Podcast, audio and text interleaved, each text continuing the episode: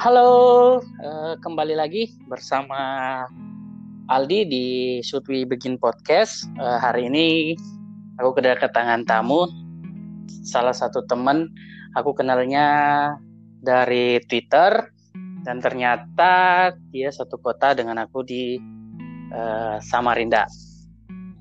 Jadi hari ini kami akan membahas beberapa topik lah. Sebelum kita masuk ke dalam topik, uh, saya persilakan uh, untuk memperkenalkan diri. Silakan.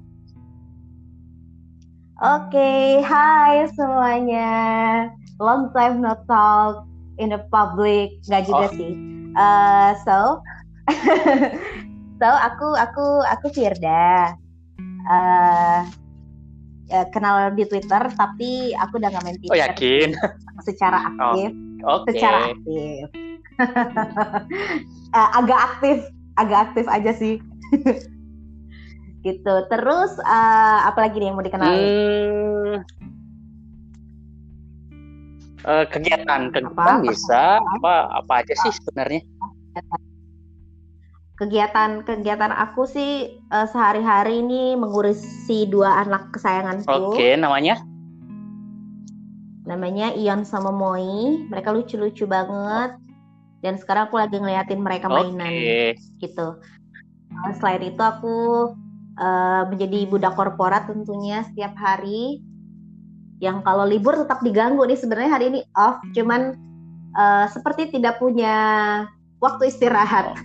Tapi sekarang udah udah udah berakhir ah, berakhir maksudnya udah udah berakhir jam kerjanya jadi aku bisa istirahat dengan tenang. Dan sekarang aku bisa ngobrol-ngobrol sama Aldi dan semuanya. Oh. jadi mau bahas apa hari ini? Oke okay, terima kasih. Uh, for your information Firda ini terkenal banget loh di Twitter. Dulu. Tidak benar. 2018 kalau nggak salah. 2018 aku follow Firda dengan uh, Anom ya. Kamu pakai Anom ya kemarin itu. Nah, pakai maksudnya username-nya. Uh, iya, bukan pakai nama asli tapi aku pakai foto oh, sih. gitu. Jadi uh, Firda ini kalau teman-teman pengguna Twitter lama pasti tahu dia salah satu seleb tweet. Iya kan? Uh, seleb tweet dan uh, ya seleb tweet dan kemudian hilang. Hilang beberapa uh, beberapa tahun yang lalu hilang dan kemudian muncul dengan akun anom yang lain. Tapi karena orang-orang yeah. tahu uh, si Firda ini uh, salah satu one of the best ya uh, untuk soal storytelling lah. Itu kamu nggak bisa denial sih, da gitu. Kamu the best lah kalau soal buat thread-thread gitu. So, Hari ini kami mau bahas tentang apa, Dak? Halo? Oh, koneksinya lagi rusak. Aku dengar loh oh, iya? ngomong. Kok kamu diam? Aku nggak diam, aku ngomong. Oh, tapi nggak masuk ya? Jadi kita kayak kayak uh, masuk okay. kamu. Jadi uh, kita akan bahas soal uh, marriage, pernikahan. Yep. So, uh, jadi gimana sih, Dak? Uh, apa? Padahal, padahal kebetulan kita berdua tuh belum belum pernah tidak bel, uh, gimana sih? Kita tidak married, bukan tidak. Married. Kita belum marriage dan belum pernah merasakan pernikahan juga ya. Tapi ngebahasnya marriage, life. Tapi itu sih nggak nggak nggak masalah, Atau... Karena gini, uh, dokter uh, dokter di rumah sakit jiwa kan nggak harus sakit jiwa dulu baru bisa nah tuh. Jadi kenapa uh, aku dan Firda hari ini bisa ngobrol? Karena uh, berawal dari tadi siang uh, aku nanya soal-soal tentang apa sih? Tentang relationship dan kemudian muncul ide gimana kalau kita buat podcast? Sebenarnya hari ini kita nggak hmm. ngerencanain ya ada cuman karena ada beberapa case ya udahlah. Kenapa uh, diskusi kita nggak kita tuangkan ke podcast saja makanya ya muncullah seperti ini. Mm benar. Jadi menurut menurut kamu da, uh, apa sih pernikahan itu? Marriage itu gimana sih menurutmu? Hmm, oke. Okay. marriage itu apa sih? Tapi sebelum kita ngomongin marriage aku uh, tertarik membicarakan pra marriage gitu momen sebelum menikah alias relationship karena marriage ujung-ujungnya bakal balik ke ya, situ betul. lagi ya relationship tapi kalau marriage kan lebih spesifik nah kalau relationship sendiri alias pacaran atau yang bisa disebut juga punya hubungan ya. uh, yang mengarah ke arah serius gitu kan yang mengarah ke arah serius uh, aku tidak punya banyak pengalaman soal relationship jadi sebenarnya untuk membicarakan hal seperti ini uh, lucu karena pengalamanku sedikit cuman karena aku banyak nih aku adalah orang yang paling banyak mendengarkan curhatan soal relationship oh, dari teman-teman. Gitu. Gitu, gua dong salah satunya. Ya, dan itu okay. menarik. okay. Dan itu menarik menurut aku karena kan karena menurut aku tuh pengalaman apa sih kita kan tuh kita kan belajar tuh salah satunya dari pengalaman ya dan tidak harus dari pengalaman kita sendiri gitu dari orang lain yang cerita ke kita pun itu bisa menjadi sebuah pembelajaran yes. buat kita dalam menentukan uh, beberapa keputusan dalam hidup. Nah, kalau soal pacaran sendiri ini ya, ini uh, ada dua dua menurut aku ada dua jenis tipe pacaran gitu yang memang dia satu dia mau pacaran alias dia dia mau pacaran karena pengen dibilang okay. punya pacar, pengen pengen memenuhi kebutuhan kebutuhan di karena aku lupa deh namanya ini nam dasar oh. Abraham Maslow itu salah satunya adalah perasaan dicintai dan mencintai. Oke. Okay. Gitu. Dan kebutuhan salah satu kebutuhan itu uh, sebenarnya kita nggak harus dapat dari pasangan sih kita bisa dapat dari teman kita dapat dari orang tua uh, dari apa pun itu tapi karena kalau sama pasangan itu akan lebih terasa intim secara emosional gitu nah itu tipe pertama ya yang yang hanya pacaran untuk memenuhi kebutuhan itu. Uh, Kedua, sorry, sorry, dak, sorry, uh, ah, okay, sorry, okay. sorry aku potong. Nah, tapi kan beda nih, beda antara perasaan dicintai oleh keluar dari keluarga sama dicintai mm -hmm. sama lawan jenis. Mm -hmm. Kan itu beda. Oke, sebenarnya perasaan cinta itu sama Aldi. Cuman bagaimana kita mengartikan keintiman itu secara emosional. Oke. Gitu. Kalau kita sama orang tua gitu kan cinta kita itu adalah sebuah cinta penghormatan kalau aku bilang. Karena dia orang tua. Ah. tapi kita sayang gitu ketika kita kehilangan kita sedih. Ketika dia bahagia kita pun ikut bahagia. Tapi kalau kita dengan pasangan pacar itu keintiman kita emosionalnya berbeda bukan se bukan sebuah cinta penghormatan Oke, oke, oke, oke. I get it, I get it. Kemudian untuk yang poin dua,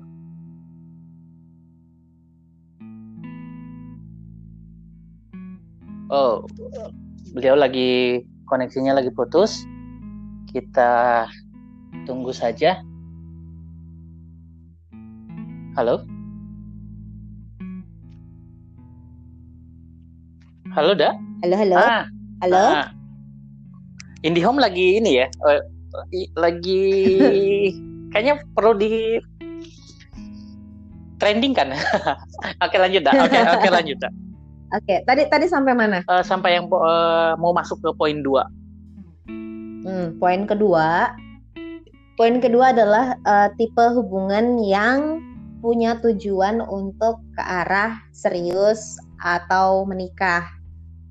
Nah, aku baru satu tahun terakhir ini mempelajari soal hubungan seperti ini. Karena sebelum-sebelumnya aku tidak tidak apa ya tidak pernah punya visi visi.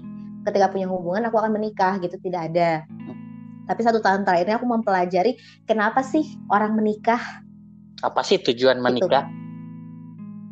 Uh, uh, uh, tapi yang lebih lebih aku kayak kepikiran sempat kepikiran kemarin itu adalah kok bisa ya orang itu memutuskan untuk menikah gitu. Apa sih yang dia inginkan?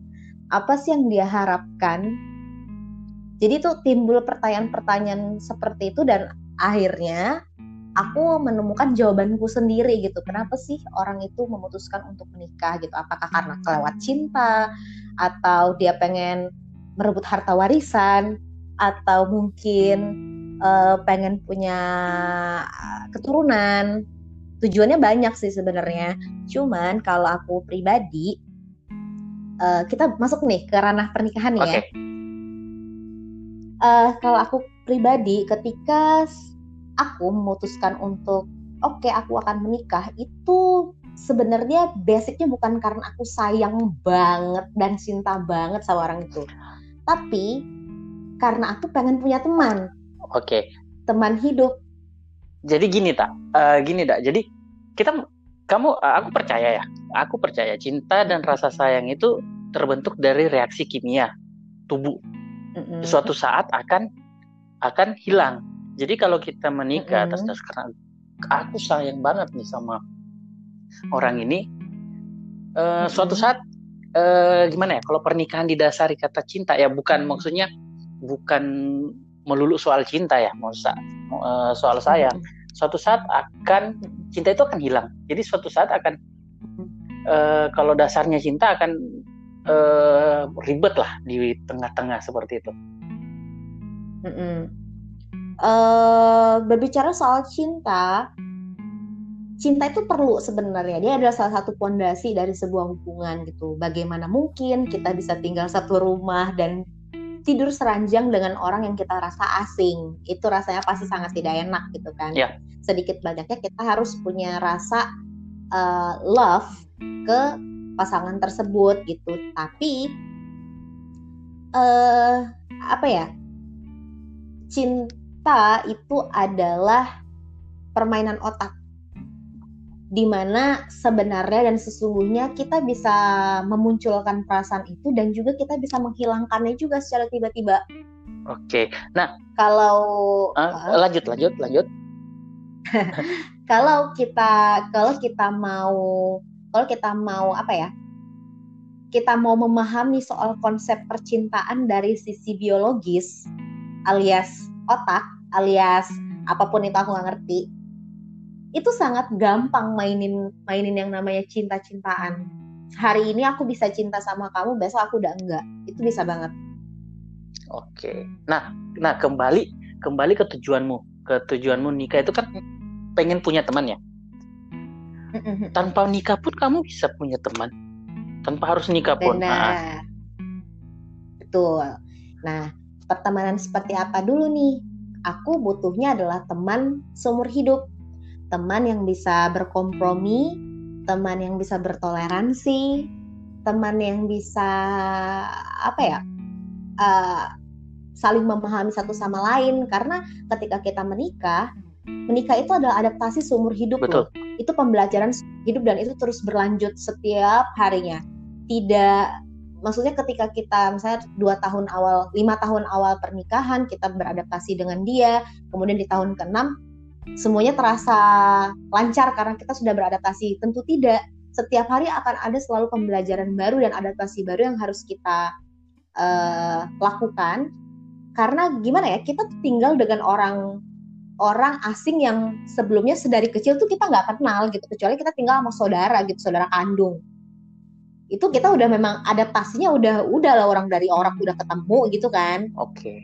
tapi ini kita uh, kita suatu hari tiba-tiba hidup dalam satu hidup di satu atap dengan orang yang baru kita kenal eh, enam uh, tahun misalnya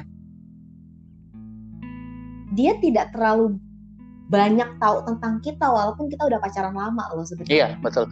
Tapi tapi Dan, kan uh, uh-uh. kita tanpa pernikahan itu bisa tak? Nggak mungkin apa? Tidak menutup kemungkinan kan itu bisa. Contohnya kita lihat Benar. Uh, di luar-luar itu kan mereka bisa hidup sampai kakek nenek. Bahkan ada yang udah berumur ya, udah umur 50 tahun, eh, 50 tahun itu mereka baru nikah gitu kan. Mm -hmm. uh, kalau yang di Indonesia kan dia bilang uh, buffalo meeting ya, kumpul kebo. Iya, betul. Ya kan? Kumpul kebo. Benar, benar banget. Sebenarnya kata pernikahan itu sendiri kan uh, kalau aku bilang itu adalah pernikahan adalah kumpul kebo yang legal. Ya, ya betul. sih? Karena dia tercatat di catatan sipil dan juga uh, apa ya dengan dengan segala resiko pernikahan itu kita ada di bawah payung hukum. Jadi kayak misalnya karena menurut aku pernikahan itu sangat-sangat ngaruh ke soal hak waris nanti pada akhirnya pernikahan legal ya ke hak waris dan ke ada hubungannya dengan anak. Oke. Nah, jika, jika suatu gitu. saat ini kan tidak menutup kemungkinan nih. Kita kan hmm. uh, ma, apa tiap hari itu pasti ada perkembangan-perkembangan. Tidak menutup kemungkinan suatu saat Indonesia akan melegalkan buffalo meeting. Ah. Oke. Okay. Ya nggak apa-apa selama itu dilegalkan. Nah, pelegalannya ini seperti apa dulu? Dia apakah ada kan ada negara aku lupa deh, aku pernah baca beberapa negara memang ada yang melegalkan yang namanya uh, apa namanya? kumpul kebo dan mereka ter, sebenarnya terhitung masih di bawah payung payung hukum gitu karena mereka legal statusnya. Nah, kita lihat dulu nih di Indonesia sendiri ketika nanti dia melegalkan uh, Buffalo Meeting ini kira-kira poin-poin hukumnya apa nih sebagai kita manusia secara individual individual kita di bawah payung hukum yang seperti apa nih ketika ketika ketika kita melakukan kumpul kebo gitu apa yang bisa menjamin kita secara hukum gitu oke itu kembali lagi ke nah pernikahan okay. ah. pernikahan saat ini legal karena dia ada poin-poin yang uh, apa ya kita tuh terjaga gitu loh sebenarnya kalau dari sisi kelegalannya gitu. Soal pernikahan sendiri tapi ya kembali ke keputusan masing-masing. Uh, kumpul kebo sih untuk di Indonesia aku sarankan jangan punya anak. Iya. Kalau mau memutuskan untuk uh, kumpul iya. kebo. Men, aku orang yang sangat open soal kumpul kebo gitu. Maksudnya ya urusan lu gitu kan mau ngapain Cuman kalau aku menyarankan ketika kamu memutuskan untuk kumpul kebo, jangan punya anak. Kenapa? Karena uh, resikonya akan sangat besar ke anak tersebut. Ya, untuk mengurus uh, akte aja akan dipersulit. Ya, ya benar dan dan soal finansial juga antar ya, pasangan. Ya, Karena ketika statusnya kumpul kebo di Indonesia, uang kamu adalah uang kamu, uangku, uangku mau kalian ngomong itu uang bersama suatu hari ada konflik mumet-mumet ya, betul. Tidak ada yang akan melindungi soal keuangan dalam keluarga tersebut ketika kalian bubar. Nah kalau menikah kita terjaga di situ. Ada yang namanya hak waris. yes, itu uh, tuh hak harta gonogini. Oke oke oke oke oke Uh, kemudian gitu. uh, apa ya? Tadi poin dua udah ya? Yang tadi poin dua. Uh. Ya, udah. Itu poin dua tadi. Nah, tapi kan tadi kan kita ngebahasnya soal pernikahan dalam arti pernikahan uh, hitam di atas ya, putih ya. Ini soal kita legalitas ya tadi. Uh. Ya, benar. Mari kita membicarakan pernikahan secara dari sudut pandang kehidupan. Oke, lanjut. Hmm, itu tadi ya itu tadi yang aku bilang. Aku pribadi suatu hari ketika memutuskan untuk menikah, alasannya bukan karena I love him so much, tapi karena I uh, want to aku aku pengen punya teman yang nemenin aku seumur hidup the rest of my life gitu yang berkompromi dengan aku, yang aku juga bisa berkompromi terhadap dia, yang aku bisa belajar mengelola uh, apa ya rumah tangga, bukan belajar mengelola manusia lain yang hidup bersama aku. Itu sangat interesting buat aku. Akhir-akhir ini aku memikirkan hal tersebut gitu dan itu menjadi hal yang menarik. Terus sometimes aku kepikiran kenapa nggak nyoba menikah gitu kayak mainan ya. Kenapa nggak nyoba menikah? kayak kita kayak gampang aja kayak beli permen aja di luar. Ah ah ah ah, ah, seolah seolah-olah kayak mainan gitu. Kenapa aku nggak nyoba aja? Cuman bukan ngelihat ke arah situnya sih tapi walaupun aku tidak mampu mengelola tersebut gitu itu adalah pelajaran gitu loh. Just because kamu nggak mampu mengelola rumah tangga bukan berarti kamu gagal tapi kamu akan belajar hal lain di situ ketika kamu berantem. Eh, udah nikah nih ceritanya berantem dan segala macam pacaran berantem uh, diem-dieman apa segala macam itu beda ketika kita menikah terus kita berantem dalam satu rumah diem-dieman. Gimana tuh rasanya? Aneh pasti. Nah itu hal-hal tersebut yang yang tidak kita alami ketika kita pacaran gitu. Dan itu kita alami ketika, ketika kita menikah. Pendewasaan kita tuh bener-bener diuji. Kan nggak mungkin kan kita lagi berantem dalam satu rumah terus terus apa sih namanya tidak bertegur sapa selama berhari-hari. Ya. kan lucu. Tapi banyak orang yang ngomong nggak nikah itu ribet. Mm -hmm. dan kalau uh, banyak yang uh, yang dikasih ditanya kan semua orang itu yang ditanya kamu siap nikah sebenarnya orang itu semua tidak pernah ada yang siap menikah. Benar. Nah, dari benar, pandanganmu benar. seperti apa?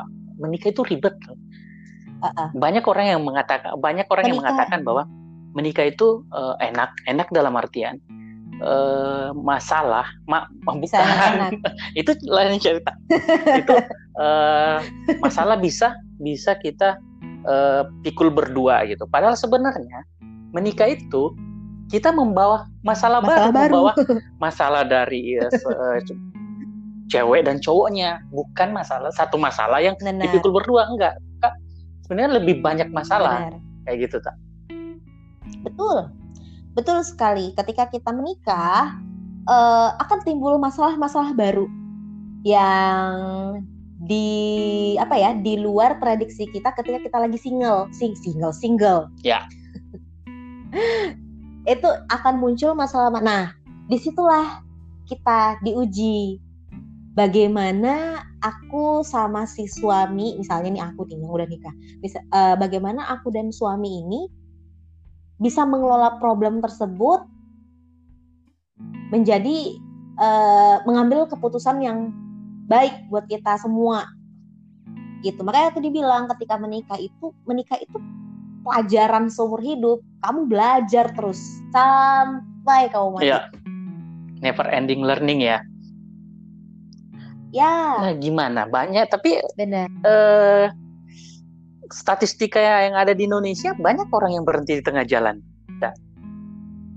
benar. Banyak orang yang bercerai. Itu benar. Kenapa karena gini uh, nikah nikah itu uh, gimana ya untuk orang yang sudah pernah kumpul kebo aku yakin untuk orang yang pernah tinggal serumah sama pasangannya ya walaupun dia tidak dalam ikatan pernikahan dia tahu dia tahu banget bahwa bahwa hidup bersama orang lain itu sangat sulit. Iya, betul sangat sulit, sangat ribet, pusing karena gimana ya kita terbiasa hidup. Misalnya aku nih misalnya kita kita kan anak-anak anak perantauan nih ceritanya nih. Kita terbiasa hidup sendiri atau ketika kita di rumah kita diurusin orang tua gitu kan. Terus tiba-tiba suatu hari kita harus uh, ngurusin pasangan terus harus saling harus mengerti dia. Lelah lelahnya tuh lelah fisik ya lelah lelah mental iya benar gitu. Nah kalau dibilang tadi kamu nanya apa uh, siap. Banyak orang yang sebenarnya sebenarnya ketika menikah itu banyak sebenarnya tidak iya. siap. Ya kan? Nah pertanyaanku adalah bentuk kesiapan kalau kamu bilang itu tidak siap yang kamu maksud siap itu yang seperti apa memangnya? Hmm, lebih ke ini sih lebih uh, untuk memulai sesuatu dengan orang yang baru itu kayaknya kita uh, kalau kalau menurutku ya kalau menurutku itu kayaknya tidak akan pernah siap gitu mengurus orang ego orang uh, ego sen ego sendiri itu agak uh, ego sendiri sendi ego sendiri itu kita sulit. Apalagi kita mau uh, mau menghadapi ego orang lain gitu. Hmm, berarti lebih ke perasaan keraguan. Mampu nggak ya iya mampu nggak aku uh, kadang ada uh, burden sendiri sih kalau aku nikah sama ini mm-hmm. mampu nggak uh, aku bahagiain dia dia mampu nggak kayak vice versa gitu loh gimana hmm, nanti okay. suatu saat ternyata uh, muncul keraguan mm-hmm. muncul keraguan penyesalan oh aku ternyata dulu rasa ketidaksiapanku itu muncul saat ini ternyata aku nggak bisa uh, ngebahagiain dia nggak bisa uh, secara psikologis gitu nggak bisa uh, memenuhi gitu tak nah itu sih uh, uh, itu uh, itu salah satu bentuk ketidaksiapan. Sebenarnya sih lebih ke takut gagalnya sih sebenarnya. Kini kita mau hidup nih kita mau hidup okay. se, uh, kita mau hidup bersama sama seorang uh, lawan jenis seumur hidup. Nanti suatu saat akan ada anak. Nah kesiapan kesiapan yang uh, aku siap nggak nanti punya anak? Ketika nanti ternyata ha, uh, ketidaksiapanku terus uh, sebelum nikah nih ya aku udah mengatakan siap. Tapi sebenarnya nggak siap nih. Nggak siapnya itu karena nggak siap punya anak. Takut kesiapan itu nggak tak apa gimana sih bahasanya? Uh, lebih ke nggak siap nggak siap karena nggak mampu gitu. Suatu saat nanti uh, lebih banyak takut. Mm-mm. balik lagi. Uh, gimana ya? Ada gak kan uh, soal ti- siap tidak siap soal menikah balik lagi nih pengharapan kamu tuh apa sih sebenarnya? Kalau kamu terlalu banyak berharap dan tiba-tiba dalam dalam rumah tangga tidak sesuai dengan harapan kamu, kamu bakal kecewa dan bakal menyesal kenapa menikah karena ini tidak sesuai dengan harapanmu. Lo memang menikah itu di luar dugaan lo semuanya. Apa pun yang terjadi sama kamu dan dan pasangan dan suami atau istri kamu itu semuanya di luar prediksi kamu ketika kamu single yang yang kamu tadinya sebelum merit kamu akan memprediksikan bahwa oh aku aku akan akan uh, misalnya misalnya kalau perempuan aku akan masakin dia setiap hari gitu. Harapannya harapannya si cewek ini ah, dia akan makan terus di rumah. Loh tapi ternyata pas suaminya nyobain masakannya ternyata masakannya nggak enak. Akhirnya suami makan di luar yeah. kecewa kan? Nah hal-hal tersebut yang harusnya soal pengharapan itu tidak terlalu di apa ya tidak terlalu diagung-agungkan. Gimana sih maksudnya? E, berharap boleh iya tapi jangan jadikan harapan itu adalah bayangan yang akan ter, bayangan yang udah pasti akan terjadi. Karena ketika itu tidak terjadi kamu akan kecewa. Dan ketika kamu kecewa, kamu akan memilih untuk mengakhiri semuanya. Ngapain? Orang nggak sesuai harapan kok. Nah, itu dia. itu dia yang uh, tapi kadang kita nggak bisa sih kita nggak bisa nge, uh, nge apa memberikan semacam ini sih semacam kamu nggak nggak usah ini sih nggak usah berharap. Tapi kan kita nikah ini pasti ada harapan-harapan kan. Sekecil apa pun harapan hmm. itu pasti kita pasti punya. Cuman eh, gimana ya? Ngomongnya itu kayak ketika harapan kecil itu eh, tidak terkabul tidak terjadi tidak terjadi kecewa juga ya. Kecewa. Nah saat itu terjadi Betul. nah. what we should do gitu loh. Apa yang harus kita lakukan gitu? Nah soal pengharapan dan harapan yang tidak terjadi dan kemudian kecewa yang harus uh, dipelajari adalah soal kita memahami konsep kontrol ya. Jadi ada dua kontrol hidup yang tidak eh, ya, ada dua kontrol hidup yang harus kita pahami nih konsepnya. Pertama, kontrol hidup eh, apa yang bisa kita kontrol itu itu gimana ya? Misalnya kayak kayak berharap kita mengharapkan sesuatu dan itu tidak yeah. terjadi. Itu adalah sesuatu yang di luar kapasitas kita untuk mengontrol Dan kita sebagai manusia harusnya memahami hal tersebut. Gitu. Ketika kita berharap sesuatu dan itu tidak terjadi, kita harus menerima itu karena itu di luar kapasitas kita untuk mengontrol. Terus sekarang kalau misalnya kita tidak menerima situasi tersebut, kita marah, apa nggak capek tuh mental kamu? Padahal kita tidak bisa melakukan apa pun. Yang bisa kita lakukan hanya menerima. Karena itu di luar kapasitas kita untuk mengontrol keadaan. Nah, apa? Jadi kita harus memahami konsep mengontrol ini adalah apa yang apa yang bisa kamu kontrol, apa yang tidak bisa kamu kontrol. Misalnya kalau apa yang bisa kita kontrol apa coba ya? Perilaku kita, perilaku kita, ucapan kita, opini kita, perasaan kita, itu adalah hal yang bisa kita kontrol dan lain-lain ya masih banyak sebenarnya. Yang tidak bisa kontrol, yang tidak bisa kita di luar kapasitas kita untuk mengontrol adalah opini orang lain, perasaan orang lain, keputusan orang lain, keadaan, beberapa keadaan tertentu yang tidak bisa kita kontrol. Nah, sama halnya seperti kita uh, berharap dan harapan itu tidak terjadi dan kita kecewa. Sedih pasti. Tapi lagi-lagi itu di luar itu di luar kapasitas kita untuk mengontrol semua itu. Ketika kita terlalu terpaku dengan hal tersebut, terlalu maksudnya terlalu kayak kenapa sih harus begini gitu. Kamu bakal sakit yang ada. Hati kamu bakal sakit. Kalau aku bilang gitu hati kamu bakal bakal sakit karena kamu tidak bisa mengontrol ini semua gitu. Kamu hanya bisa meratapi. Nah ketika kamu memahami konsep tersebut bahwa kamu melakukan penerimaan oke okay, ini di luar kapasitas aku dan keadaannya seperti ini aku sudah melakukan yang terbaik tapi ternyata keadaannya seperti ini ya ini yang harus aku terima. Sebenarnya ini bukan konsep pasrah ya kalau aku bilang ya. Tapi lebih konsep menerima. Menerima keadaan bahwa tidak semua hal bisa kita atur. Betul betul.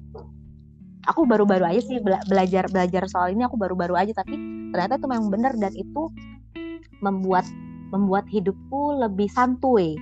Serius deh. Karena aku adalah orang yang orang yang paling suka aku aku kan ini controller banget gitu aku suka ngatur. Aku suka aku suka ngatur aku suka uh, memerintah dulu ya memerintah. Tapi ketika hal-hal tersebut di luar dari prediksiku yang terjadi gitu ya di luar dari prediksi aku bakal sedih banget dan aku stres aku sakit aku pusing dan aku overthinking dan aku gila gila-gilaan gitu kan ya. Karena karena aku nggak terima dengan kondisi itu. Tapi sekarang ketika aku mulai memahami konsep soal kontrol hidup aku mulai santuy gitu. Ya kenapa aku harus memusingkan hal tersebut sedangkan itu di luar kapasitas aku loh.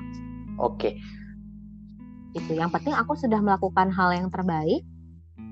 Aku udah berusaha aku punya effort untuk mengusahakan semua menjadi terbaik tapi ternyata keadaan tidak mendukung aku ya sudah aku harus tidak harus ngapa-ngapain. Untuk yang harus lakukan cuma bisa menerima. Itu lebih lebih ke kontrol ke diri sendiri ya? Betul. Uh, bu bukan kontrol ke diri ya iya benar. Kontrol ke diri sendiri. Karena hal yang bisa kita lakukan itu kan tadi aku bilang salah satunya kontrol hidup yang bisa kamu lakukan adalah uh, mengontrol perasaan kamu Oke, okay, tapi tapi tetap uh, gitu. gimana ya? Tapi kadang banyak orang yang tidak uh, kalau yang kayak kita tidak bisa uh, ngontrol perasaan sendiri nih, kadang banyak orang yang tidak bisa mengontrol gitu. Benar, itu itu secara teoritis seperti yang aku bilang tadi itu sangat gampang dibicarakan, sangat gampang yeah. ucapkan. tapi ketika itu apalagi ya, da, apalagi kalau ketika kalau, itu terjadi, uh, ketika kita kecewa berat uh, itu sangat sangat ya. sangat sulit lah sangat sangat sulit untuk kita bisa menerima penerimaan Betul. itu. Penerimaan itu sebenarnya lebih ke ikhlas ya? Atau uh, beda?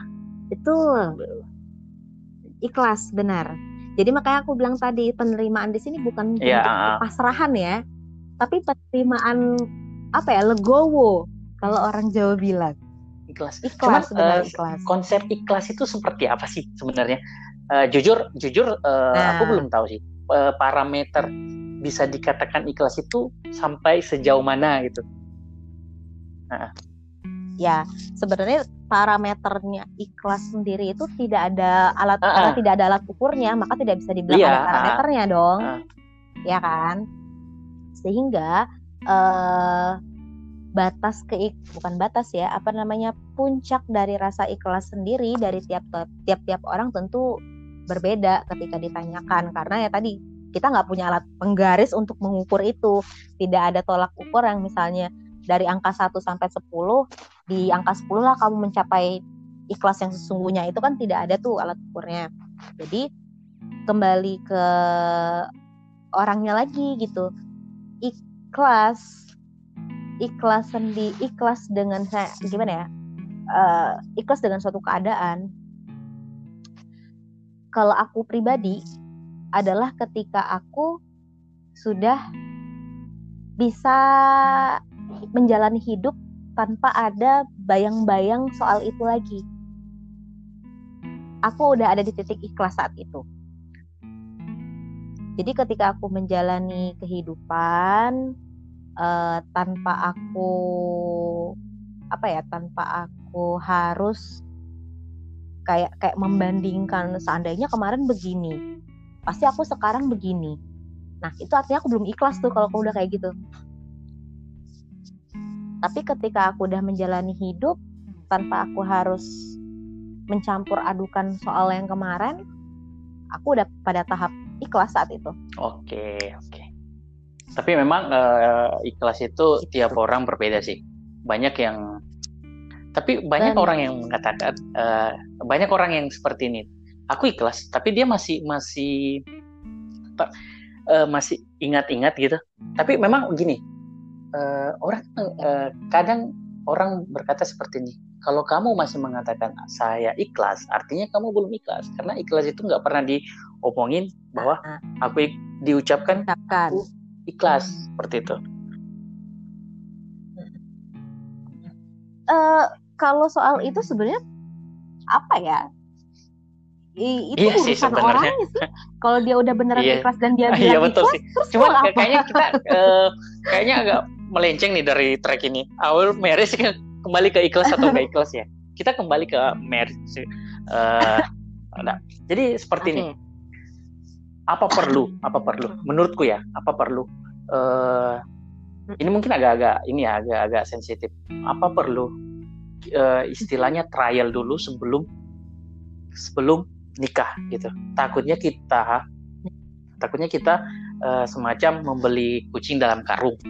Apa kita perlu trial? Trial ini dalam bentuk mm-hmm. ya udah kita tinggal bersama dulu selama 2 sampai 3 bulan atau sampai enam bulan tinggal bersama. Setelah ternyata kan kalau kita tinggal bersama otomatis beda kan ya sama dengan beda dengan kalau kita nggak nggak tinggal oh. bersama seperti itu. Apakah kita perlu seperti itu dulu? Takutnya ketika kita langsung nikah tanpa ada uh, trial yang saya katakan tadi, yang aku katakan tadi, kaget. Oh ternyata kaget, orangnya seperti ini. Di luar kita kan nggak mungkin uh, paling lama sehari lah bareng. Pada saat nikah kaget. Oh ternyata ya. Orangnya seperti ini. Dia orangnya jorok. Ternyata tidurnya seperti hmm. ini dan hal-hal itu yang membuat kita uh, mulai berpikir lagi kenapa uh, aku bisa memutuskan untuk menikah kayak gitu apa memang kita perlu trial atau seperti apa ya oke okay. uh, eh, aku pribadi. Lagi-lagi aku pribadi ya karena ini, karena opini betul opini ini, ini tidak uh, bisa ini opini kita berdua. Nah, jadi di luar di luar ini kita nggak bisa generalkan ya karena ini op, op, opini masing-masing gitu. Betul. Kalau aku pribadi soal uh, apakah perlu kamu hidup bersama sebelum kau menikah, aku harus bilang okay. perlu kalau aku. Karena uh, pacaran, misalnya ini pacaran, ketemu, ketemu jam 8 pagi, bareng tuh seharian tuh main ke mana kek, ke mana ke mana ke mana atau atau uh, apa sih nekat-nekatnya check in bareng gitu kan. Itu rasanya akan berbeda ketika kamu dari bangun pagi ketemu orang itu sampai malam hari kamu tidur ya, ketemu ya, orang yang sama. Nah, itu akan sangat berbeda rasanya ketika pacaran pada umumnya dengan pacaran yang tidak umumnya seperti itu. Nah, kenapa aku bilang perlu? Karena ketika hidup bersama itu se se apa sih seluk apalagi dalam jangka waktu yang lama ya seluk beluknya orang itu tuh kita tahu gitu secara personal ya orang itu tuh kita tahu gitu yang yang ternyata kita lihat dia nih dari dari kalau kita jalan sama dia dia ganteng rapi apa segala macam terus ketika kita satu atap sama dia yeah. ternyata dia kalau tidur nungging atau dia kalau kalau kalau tidur kakinya di kamar mandi kepalanya di kasur gitu kan. Itu kan itu hal yang yang nggak bisa kita prediksi ketika kita hanya ketika kita hanya pacaran pada umumnya gitu loh. Nah suatu itu menjadi suatu challenge buat orang-orang yang memutuskan untuk tidak kumpul kebo. Itu challenge banget buat mereka karena mereka harus beradaptasi dengan situasi baru. Tiba-tiba nih tiba yang bener-bener yang biasanya pacaran cuma empat jam tiba-tiba besoknya menikah dia harus yeah. 24 jam sama orang itu. Itu challenge banget. Aku aku tepuk tangan buat pasangan yang menikah uh, menikah dalam jangka waktu lama tanpa harus kumpul kebo dulu. Itu karena itu challenge buat mereka. Dan kalau mereka bisa menghadapi itu hebat banget. Karena uh, aku aku nanya nih kamu kamu kamu sendiri pernah hmm, hidup bareng nggak sih hidup bareng nggak sih nggak nggak pernah hidup bareng kalau sehari dua hari nah. liburan kan uh, mungkin pernah ya cuman kalau untuk dalam waktu dalam jangka waktu sebulan dua bulan tiga bulan itu nggak pernah Oke. Nah, aku ya. aku ngomongin pengalamanku ya. Aku sendiri jujur ketika hidup bersama tuh kaget loh dengan situasi. Sama ya doi dulu ya yang dulu ya. Sama. Ah oke. Okay. dulu dulu yang dulu. Sa ketika hidup bersama sama pas waktu masih pacaran biasa. Aku jujur kaget. Di luar dugaan di luar prediksi di luar harapan dan I have to face it gitu. Aku harus menghadapi itu. Gimana caranya? Jungkir balik karena aku harus karena aku situasinya ada di situ mau nggak mau aku harus hadapi okay. itu tuh berapa lama nah uh. hidup bersama oke okay. sekian bulan nah makanya aku bilang kalau orang udah nah, uh, di saat seperti itu itu kita kitalah saat itu mengambil keputusan. Saat ini aku melihat uh, sekian bulan ini aku hidup bersama dia, kira-kira bisa nggak sih aku menghadapi hal-hal ini dan hal-hal baru lainnya nanti selama sisa hidupku. Nah, di situlah keputusan bisa diambil. Mampu nggak kamu sekiranya kan yang yang bisa tahu tolak ukur kita sendiri kemampuan ya. kan kita sendiri ya. Kira-kira mampu atau tidak, siap atau enggak gitu. Nah, uh, di situlah jadi pertimbangan ki aku untuk untuk memutuskan untuk oke okay, aku akan menikah dengan dia dengan segala konsekuensi yang sudah pernah aku hadapi sekarang dan hal-hal baru yang ke depannya akan terjadi aku siap gitu nah di situ butuh makanya aku bilang uh, aku adalah orang yang menerima yang namanya kumpul kumpul dan mendukung dan mendukung hal tersebut. Iya sebenarnya perlu, sebenarnya perlu perlu, perlu. Cuman banget. dengan kultur Indonesia saat ini hal itu tabu. Nah tabu. kalau walaupun di di, di beberapa daerah itu uh, bukan bukan diizinkan ya, maksudnya orang bodoh amat ya. Cuman uh, gimana ya? Kita sama-sama tahu terkait aparat-aparat yang ada di Indonesia seperti apa. Ketika itu ditemukan itu kan akan masalahnya kan panjang banget akan heboh gitu. Heboh? Itu itu ya, uh, ya. memang masih sangat sangat sangat tabu lah cuman memang mungkin ada beberapa orang yang ya. berhasil mungkin ada orang yang beberapa beberapa orang berhasil cuman Betul.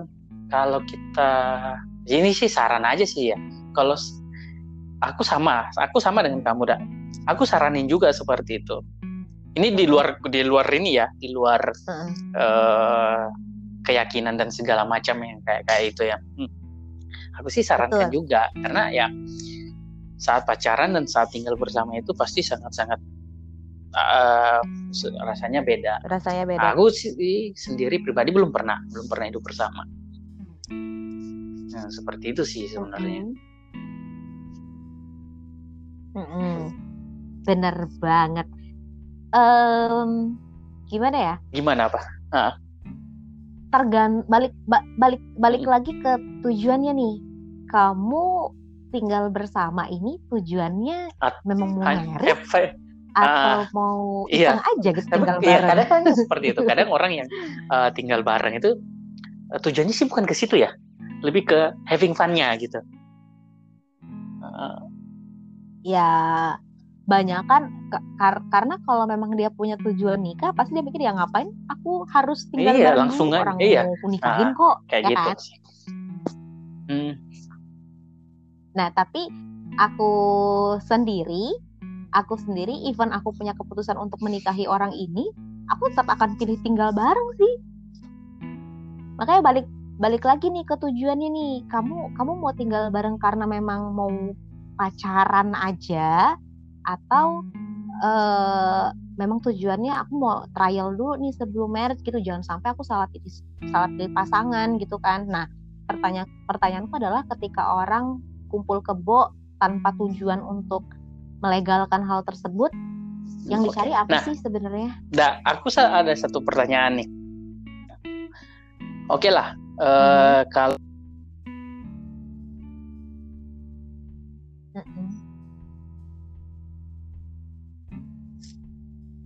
Halo, halo. Halo, Aldi hilang. Cek, cek. Halo? Ya, ada nggak? Halo? Kedengaran nggak? Halo, Da? Wah, narasumbernya lagi disconnect. Halo, halo. Halo, Da? Okay. Ya, ada. Halo. Oke. Okay. Ah, jadi gini, uh, ada orang, ada orang yang ya, ingin tinggal bersama, namun dengan eh tinggal bersama dengan tujuan ingin nikah sebenarnya. Namun ada beberapa uh, isu eksternal, isu eksternal yang uh, membuat tujuan nikahnya itu nggak bisa gitu. Misalnya. Tapi tetap misalnya beda agama atau hmm. beda suku lah uh, orang tuanya ini nggak nggak nyetujuin okay. kalau dia nikah. Hmm. Tapi ya udahlah ngap karena kita nggak disetujuin ya udahlah kita uh, hidup bersama aja tanpa ada ikatan nikah gitu. Hmm. Nah itu kan artinya uh, tujuannya Iya sih kembali ke tujuannya lagi sih. Kok aku muter-muter ya? kan gini. aku muter-muter. Uh, misalnya, misalnya dengan dengan eksternal nih, misalnya uh, misalnya beda agama gitu kan. Yang yang notabene dia tahu ketika dia menikah tuh nggak bakal disetujuin gitu kan. Nah sekarang gini, ketika kaum uh, ketika si pasangan tersebut memutuskan untuk tinggal bersama memang disetujuin halo Iya enggak. Uh, nah, pertanyaannya sama. Emang nah, kalau itu. mau menikah tinggal nah, bersama nah, disetujuin? Kalau, kalau si pasangan tersebut kalau si pasangan tersebut sudah berani mengambil keputusan untuk oke okay, aku akan tinggal bersama, secara tidak langsung sebenarnya dia sudah melanggar uh, apa ya melanggar aturan keluarga yang sudah ada. Gitu. Kalau kalau kalau kalau mereka sudah berani melanggar aturan yeah, tersebut yeah. kenapa nggak sekalian nikahin aja? Tuh sama-sama melanggar. Iya kan? Iya. Gitu. Uh. hmm. Memang agak-agak sulit kadang ya kita, kadang aku mikir uh, gini. oh, kalau ada ngomongin. orang yang saklek mentok aku cuma pengen tinggal bersama aku lebih mikir kayaknya orang ini memang nggak mau komitmen jangka panjang sih iya dia memang iya, tidak uh, mau berkomitmen sih jangka kayak gitu. panjang karena dia tahu kapasitas dia bahwa uh, misalnya nih dia tidak setia tapi untuk saat ini aku sayang sama orang ini aku mau tinggal sama dia tapi aku tidak daripada suatu hari aku harus bercerai dan menyandang status janda atau duda ya udah lebih baik hidup serumah aja tanpa ada ikatan. Toh kalau putus ya putus-putus aja kok. Iya, ya nggak ada nggak ada. Uh, tapi itu lebih ini enggak ya? Menurutku kayaknya itu lebih lebih nggak ribet apanya nih dari apanya nih yang nggak ribet?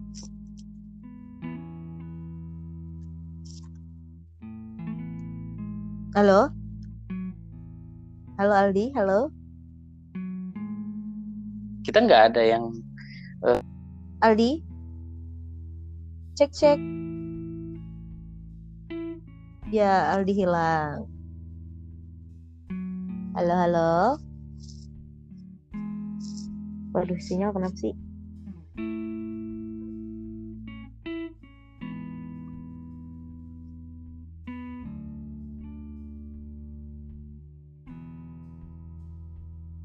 Halo?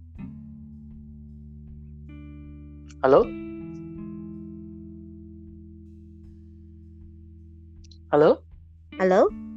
Nah, koneksinya lagi sangat bermasalah. Iya, parah banget. Jadi uh, mungkin kita ke kesimpulannya aja ada.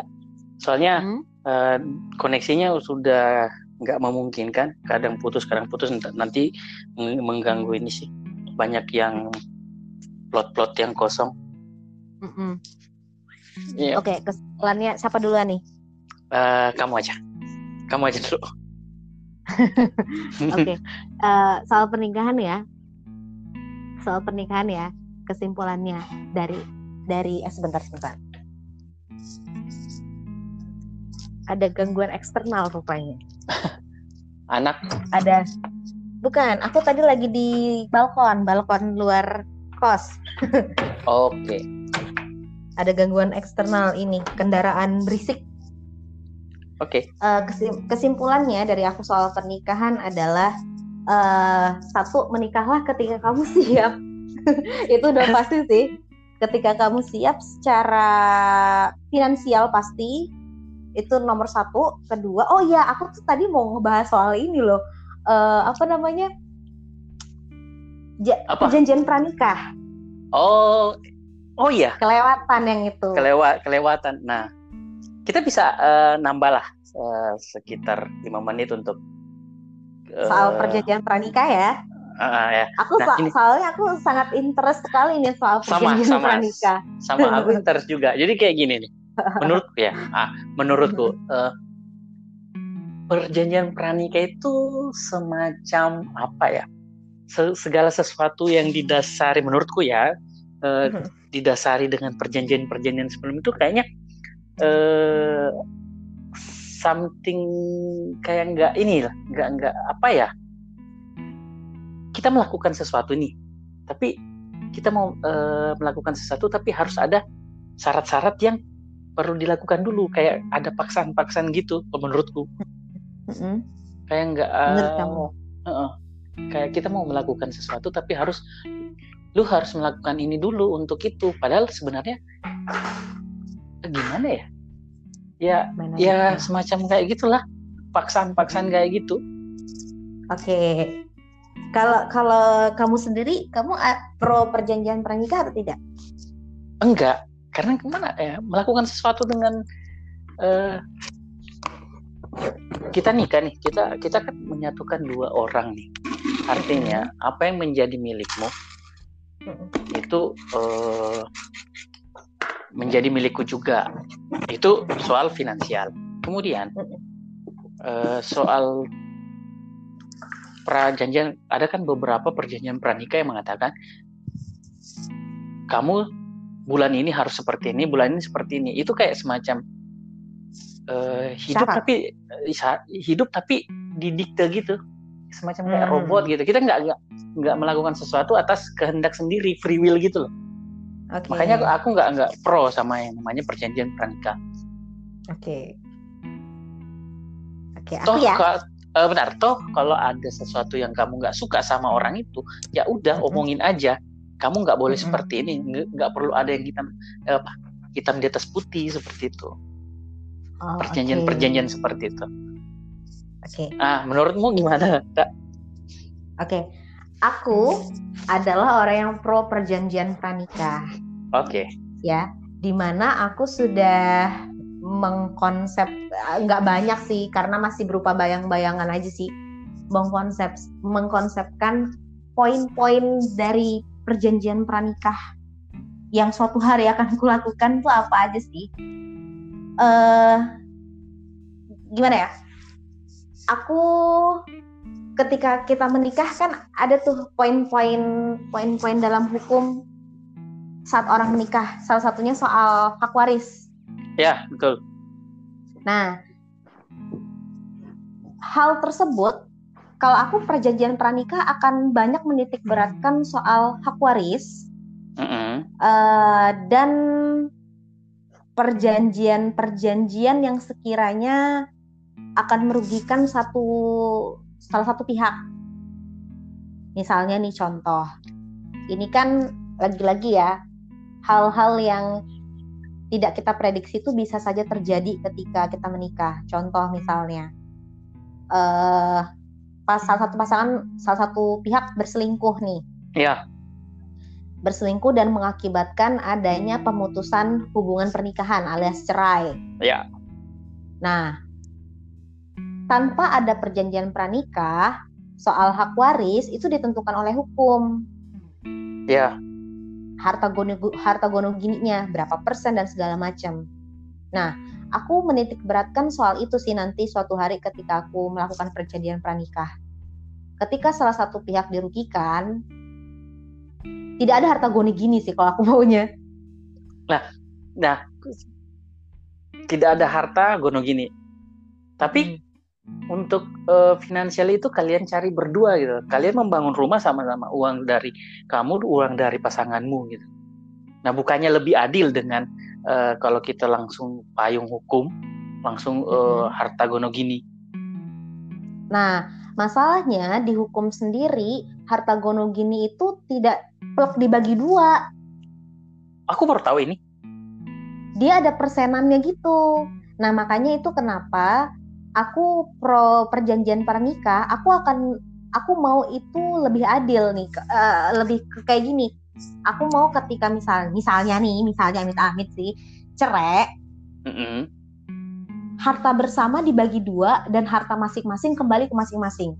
Jadi harta masing-masing adalah harta yang kita bawa sebelum menikah kan ya. Misalnya sebelum menikah aku sudah punya mobil. Dan ketika sudah menikah mobil itu kita pakai bersama gitu. Dan kalau misalnya cerai itu mobil akan kembali sama aku itu tidak jadi harta tidak jadi harta gunung ini itu jadi harta aku karena itu memang aku yang beli sendiri gitu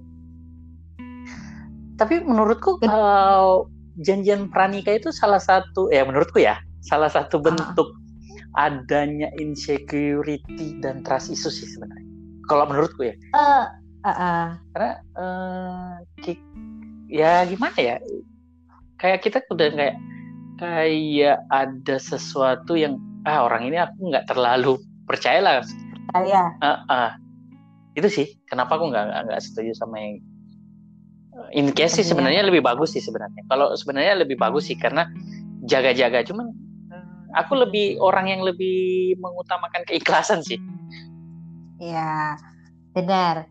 Uh, kenapa aku bilang perjanjian pranikah itu perlu gitu? Kalau cash, kalau sebenarnya perjanjian pranikah itu dibuat untuk berjaga-jaga gitu untuk safety jika salah satu pihak dirugikan.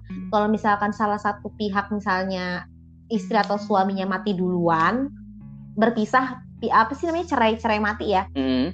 Salah satunya meninggal, kan itu tidak dirugikan karena itu kan kematian. Yeah. Tidak tidak tidak tidak apa namanya tidak dirugikan ya secara moral tapi tidak materi.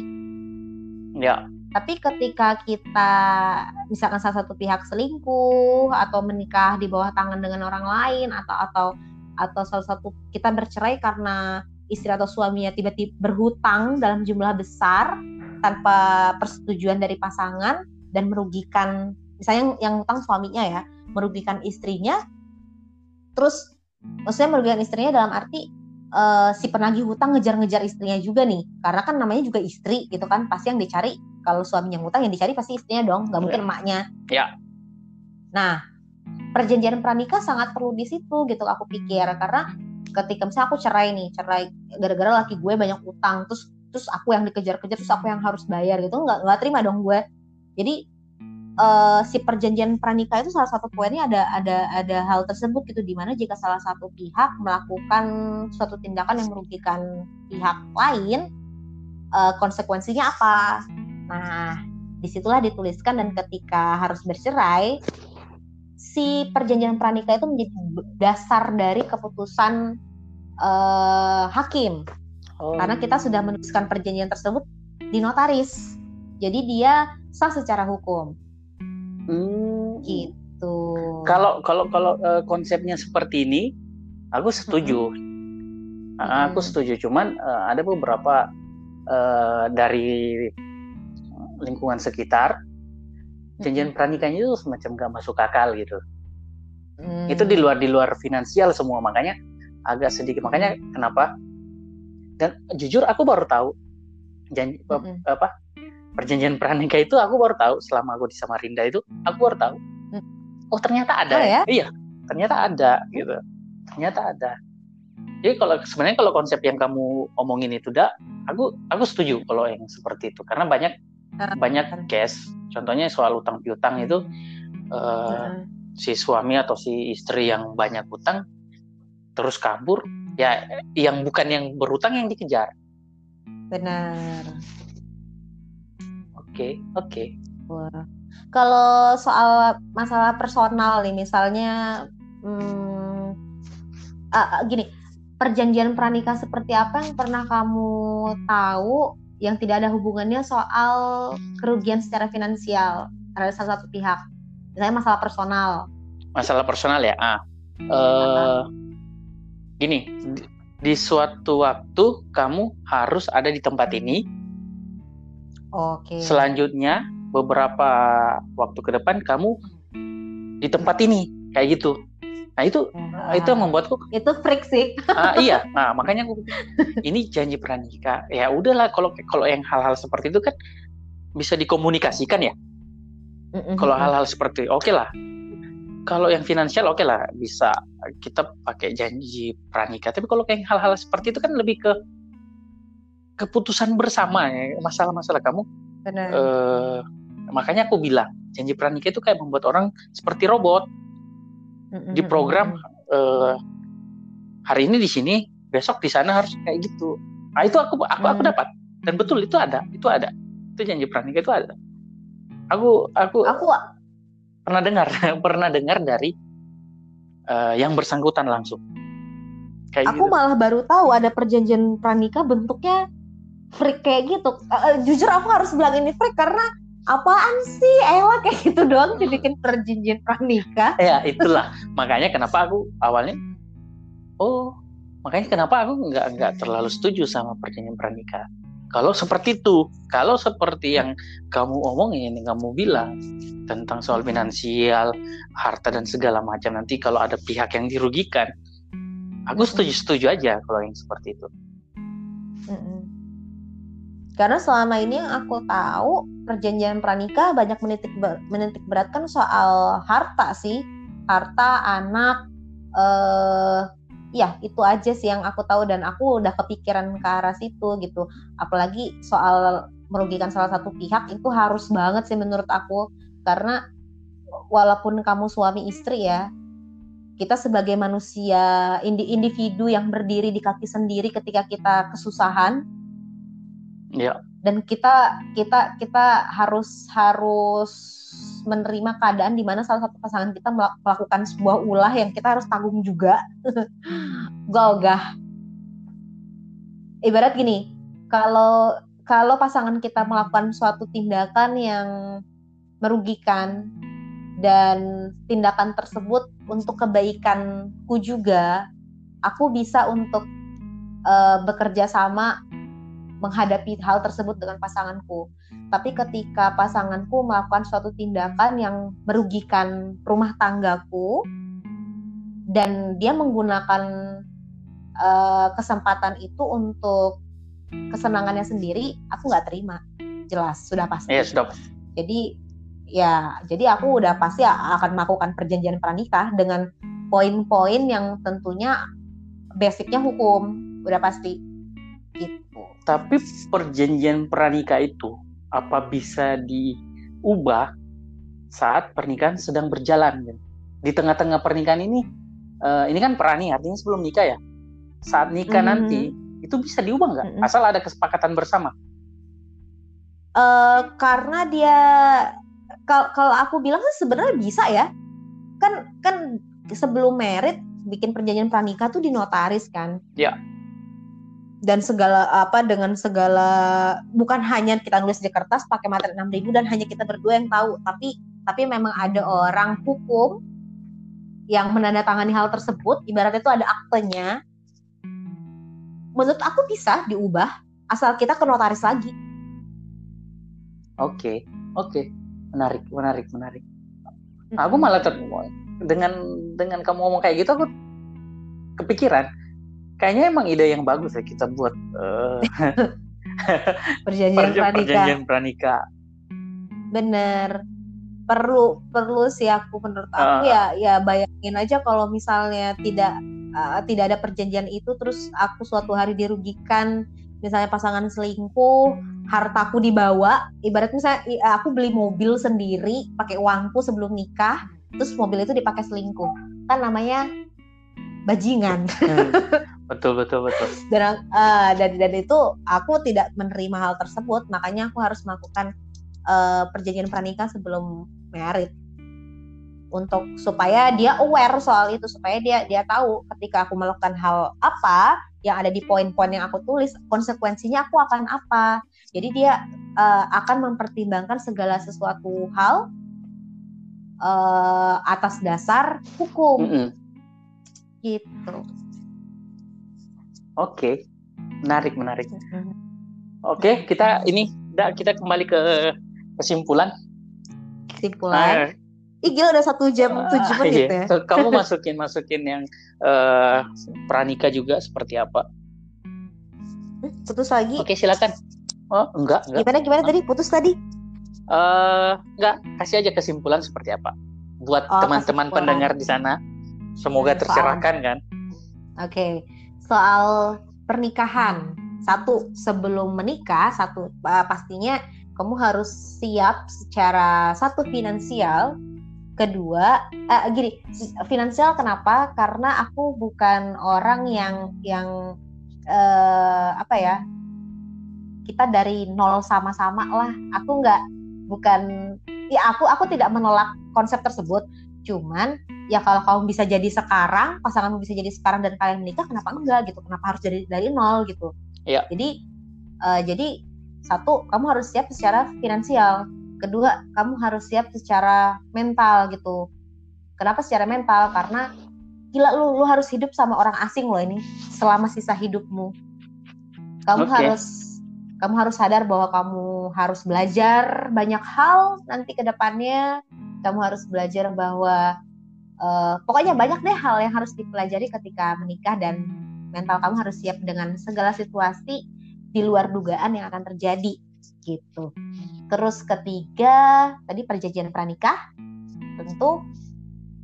Terus kemudian keempat uh, masuk ke pernikahannya adalah adaptasi itu udah pasti karena uh, kita harus beradaptasi dengan eh sorry keempat aku tuh ganti deh keempatnya tuh adalah uh, trial alias buffalo meeting. Iya, oke.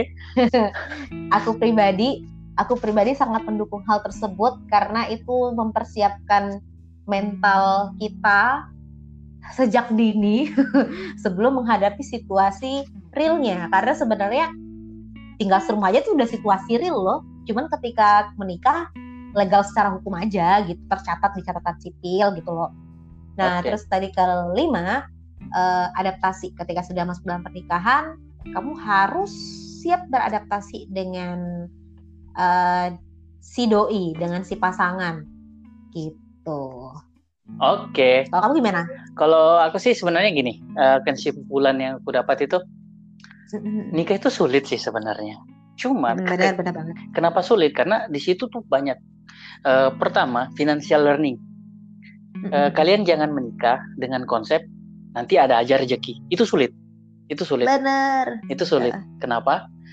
Uh, rezeki itu gimana ya?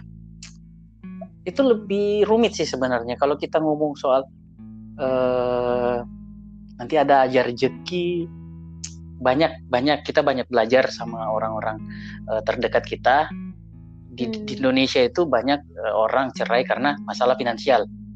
Benar. Terus yang kedua adalah uh, kalian jangan berhenti belajar karena menikah itu pasti pasti nggak akan pernah berhenti belajar. Hmm. uh, aku masukin yang ketiga itu uh, kesimpulannya pranikah. pranikah yang disampaikan sama Firda itu uh, aku masukin ke kesimpulan karena logis banget. Kenapa? Karena hmm. uh, kita tidak tahu namanya manusia itu pasti akan berubah.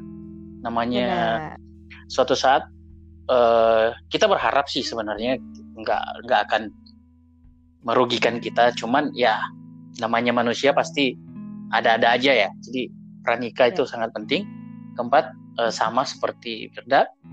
Kalau bisa kalian trial dulu lah trial dulu hidup hmm. bersama hmm. kalau memang sudah nggak cocok ya sudahlah memang agak sulit sih karena uh, pacaran saja ketika ada masalah kita mau lanjut atau enggak eh, sulit juga apalagi kalau hmm. kita udah mau melangkah ke tahap yang menikah lebih yang lebih hmm. jauh itu sih sebenarnya hmm. ya jadi kalian teman-teman yang mau menikah silakan menikah silakan pikir-pikir lagi uh, ada ini enggak uh, ini sebenarnya sih uh, ya nggak usah sih nggak usah dibahas kita udah closing sih sebenarnya apa aku, aku mau bahas Apaan? aku mau bahas soal yang ini sebenarnya uh, kemarin ada film yang lagi booming kan yang Mary Story itu banyak banyak oh uh, iya aku nonton banyak hal-hal yang membuat orang ragu dengan itu. Cuman ya yakinkan diri hmm. kalian teman-teman kalau mau nikah silakan nikah, yakinkan pasangan kalian. yang terpenting sih sebenarnya ada pasangannya dulu. Bener uh. banget. Udah ngomong panjang lebar begini, pacar aja kagak punya. Oke, okay, Firda, terima kasih. Terima kasih pencerahannya, terima kasih. Terima kasih banyak Aldi. Oke, okay, next time kita ngobrol-ngobrol lagi yang mungkin uh, temanya yang agak-agak ringan lah. Aku agak-agak berat sih kalau ini. Benar. Oke, okay, terima kasih. Sampai jumpa lagi di Should We Begin Podcast. Bye. Bye.